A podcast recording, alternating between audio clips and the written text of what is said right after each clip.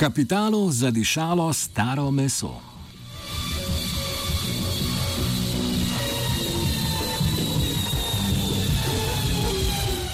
Ksenja Klamfer, ministrica za delo, družino in socialne zadeve in enake možnosti, je predstavila predloge zakonskih sprememb za področje pokojninskega sistema, socialnega varstva in trga dela. Po njenih besedah naj bi bile predlagane spremembe namenjene izboljšanju socialnega položaja najrevnejših skupin, predvsem brezposobnih, prejemnikov socialne pomoči in upokojencev. Vendar se o tem porajajo dvomi.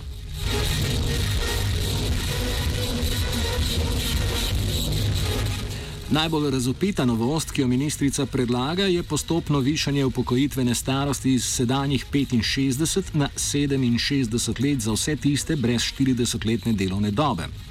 Ta ukrep ministrica utemeljuje z argumentom, da je populacija med 60 in 64 letom v Sloveniji izjemno delovno neaktivna.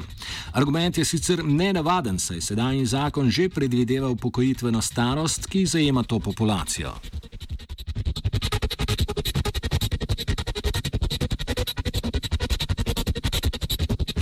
Predlog prinaša tudi postopno zvišanje odmernega odstotka za izračun pokojnine, predvsem odmernega odstotka za moške, ki je trenutno znatno nižji od odmernega odstotka za izračun pokojnin žensk. Tako naj bi do leta 2025 pokojnine tistih z 40-letno delovno dobo zrasle za 8 odstotkov.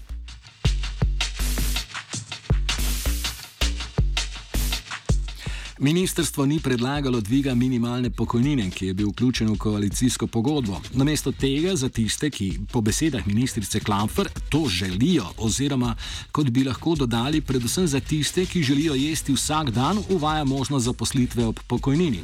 Tako imenovani dvojni status. Z leti dodatne zaposlitve, kljub upokojenosti, se tako predvideva postopno višanje odstotka prejemanja pokojnine od plači. Po tretjem letu bi upokojenec poleg plačila prejemal tudi celotno pokojnino.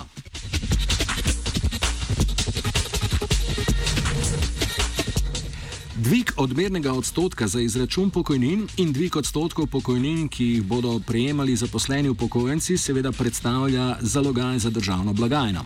A ministrstvo to laži za skrbljene državljane, da boste po njihovih izračunih dvig upokojitvene starosti in skrajšanje časa upravičenosti do prejemanja denarnega nadomestila za brezposelne, ki ga prav tako predlagajo, te izdatke nekako izravnala.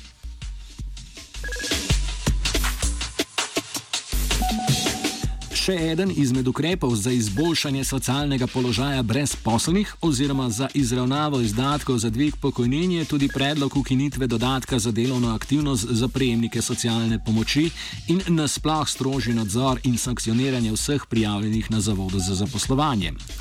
Ker naj bi prejemnik socialne pomoči v primeru, da je upravičen tudi do dodatka za delovno aktivnost, prejemal 89 odstotkov minimalne plače, se ga je ministrica odločila motivirati za delo ne z dvigom minimalne plače ali ustvarjanjem eh, delovnih mest, temveč z efektivnim nižanjem socialne pomoči, ki že tako ne zadošča niti za minimalne stroške življenja.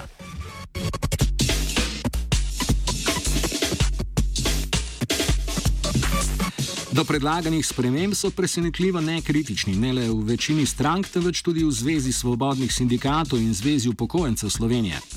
Izrazito pa se jim je eh, se, se jim za zdaj nasprotovali le v stranki Levica. Njen vodja, Luka Mesec, pojasni glavne vzroke nestrinjanja s predlogom zakona. V Levici uh, ta predlog ocenjujemo um, kot uh, nespremljiv, um, čeprav ima uh, nekatere pozitivne uh, lastnosti, recimo te, to, da se uh, zvišuje odmerni odstotek na 63, kot je zapisano v koalicijskem sporazumu. Um, potem uh, problem pa nastane s tem, da del tistega, kar je zapisano v koalicijskem sporazumu in kar smo se poleti dogovorili, manjka tukaj govorim predvsem o uh, minimalni pokojnini, ki naj bi zrasla na 613 evrov, o pokojninah za invalide um, in podobno.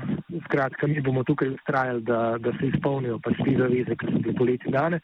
Uh, tretja stvar so pa stvari, ki, ki jim nasprotujemo. Um, prva tukaj je seveda dviganje upokojitvene starosti. Uh, to smo poleti uh, črtali, bil je v bistvu ta predlog v tistem uh, osnutku koalicijske pogodbe, ki so jo napisali za sodelovanje z NSI, ampak ga v novem ni več in tudi mislim, da zato se ne sme pač na noben način znajti v zakonu.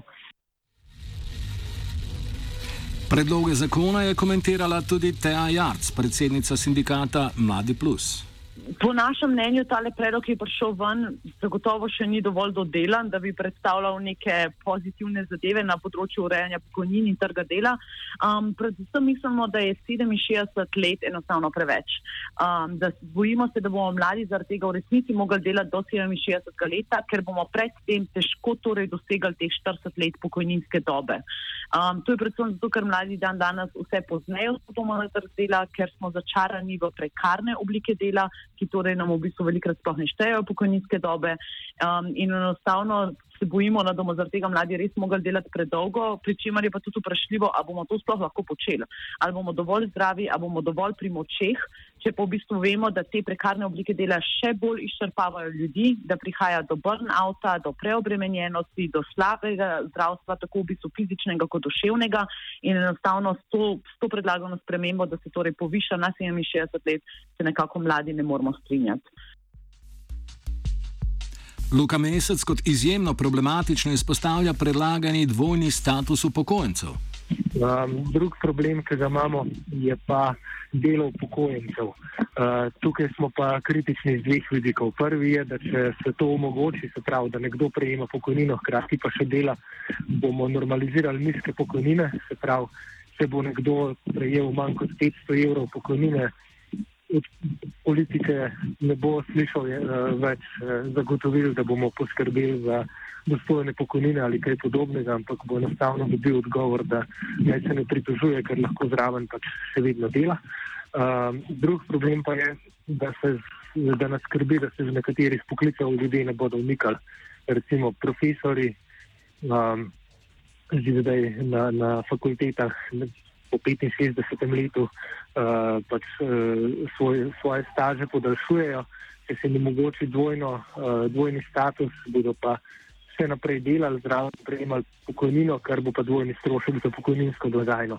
Prvič zato, ker bodo ljudje, ki bodo pač še vedno zaposleni, hkrati prejemali tudi pokojnino, in drugič, imamo ogromen problem z izseljevanjem uh, nisem tudi mladih izobraženih in tako naprej, ki konec koncev čakajo tudi na take pozicije, kot so ti na, na fakultetah. In če se bodo starejši počasneje umikali uh, z pozicij, to pomeni pač manj mest za mlade, ki bodo pa priložnost iskali v tujini in tam tudi plačevali davke in prispevke. Z mesecem glede problematičnosti spodbujanja zaposlovanja upokojencev se oglaša Teja Jarc. To, da se v bistvu spodbuja upokojence, da delajo tudi potem, ko izpolnjujejo pogoje za upokojitev, se lahko mogoče sliši pozitivno za tiste, ki so še pri močeh in bi res radi delali. Po drugi strani pa um, se mi bojimo, da se s tem samo prevali breme uh, na te osebe, da si torej zagotovijo neko dodatno plačilo, ravno zato, ker so pač pokojnine preniske. Tako da to velikrat ni dobro za same upokojence, ki torej bolj iz obupa se poslužujejo torej tega nekega dodatnega dela, ko bi lahko torej morda uživali v svojem pokoju. Hkrati pa seveda ja, je lahko to konkurenca mladim. Mladi zaradi tega mogoče ne bomo imeli dostopa do določenih služb, hkrati se zaradi tega lahko v bistvu zniža sama cena dela ali pa pač zmanjšajo neki um, delovni standardi. Zato, ker pač se bo torej samo za kratki čas ali pa samo za občasno najemali torej upokojence um, in tukaj seveda potem, ja, kot rečeno, je to konkurenca, znižanje standardov, standardov dela pa pač vpliva na celoten trg dela. Um, tako da je sicer lepo, da se ponudi možnost tistim, ki bi želeli delati tle, ampak moramo pa pač res poznati, kaj so glavni razlogi, zakaj se upokojenci to, uh, za to odločajo in pa kaj to pomeni za mlade. In um, če je torej trg dela omejen, bi bilo mogoče bolj smiselno torej delovno aktivne ljudi čim hitreje spraviti na trg dela in njim zagotoviti ta delovna mesta. Teja Jarc je izpostavila tudi sklop predlaganih novosti, ki ga večina medijev ni problematizirala. Večina v bistvu ukrepov, ki jih je zdaj predstavilo ministrstvo in se tičejo predvsem trga dela, um, gre v večanje sankcij in v bistvu večanje te neke prisile um, za ljudi. Um, mi izjemno nasprotujemo temu, da se tok zaostruje pogoje, ki so v resnici predpogoj torej za dostop do določenih pravic. Um, in to v bistvu krči socialno državo, to krči obseg pravic in vedno dajanje vedno strožjih pogojev pač v resnici um, tudi nekako manjša ta krok ljudi, ki so torej upravičeni do teh pravic. Um, tako da vsem tem nekim ukrepom, ki torej zaostrujejo pogoje, tudi pač na sindikatu Mladi Plus nasprotujemo. Pa ne gre to ali za to, da je pogoj slovenski jezik, kar so pač zdaj le tudi pač predlagali na ministrstvu, ali pa tudi v tem primeru, ko se torej pravica do denarnega nadomestila spreminja. Torej, zdaj pač predlagajo, da si šele po 12 mesecih upravičen do denarnega nadomestila v primeru brezposobnosti, pri čemer do zdaj velja, da si že po 9 mesecih. Um, to je enostavno absurdno. Um, tega si ne smemo dovoliti in v resnici se moramo tukaj spomniti, da gre za naše pravice in da smo mi do teh pravic upravičeni. In če se zdaj torej postavlja strože pogoje za dostop do teh pravic in oža krok upravičencev, potem je to pač po našem mnenju pač ja poseg v socialno državo. Do napada na brezposelne se je opredelil tudi Luka Mesec. Pač nekateri na ministrstvu za delo, družino in socialne zadeve ocenjujejo, da se je zaradi uh, skoka um, socialnih pomoči z 291 na, na 395 eh, evrov um, povečala imenovana past brezposob, past uh, neaktivnosti, kot je imenovala prejšnja ministrica za delo Anja Kupač Mrak in da je zato treba um, pač porezati druge socialne prejemke, da se ljudi pač spet uh, prisili, ne, um, da kao k delu, ampak to je seveda pač neumnost. Mislim, ne vem, kdo lahko govori, da je mislim, leta 2019 pač edin motivator za delo prazen želodec. O sestradanih starcih pod kolesjem kapitala je pisal Mirt.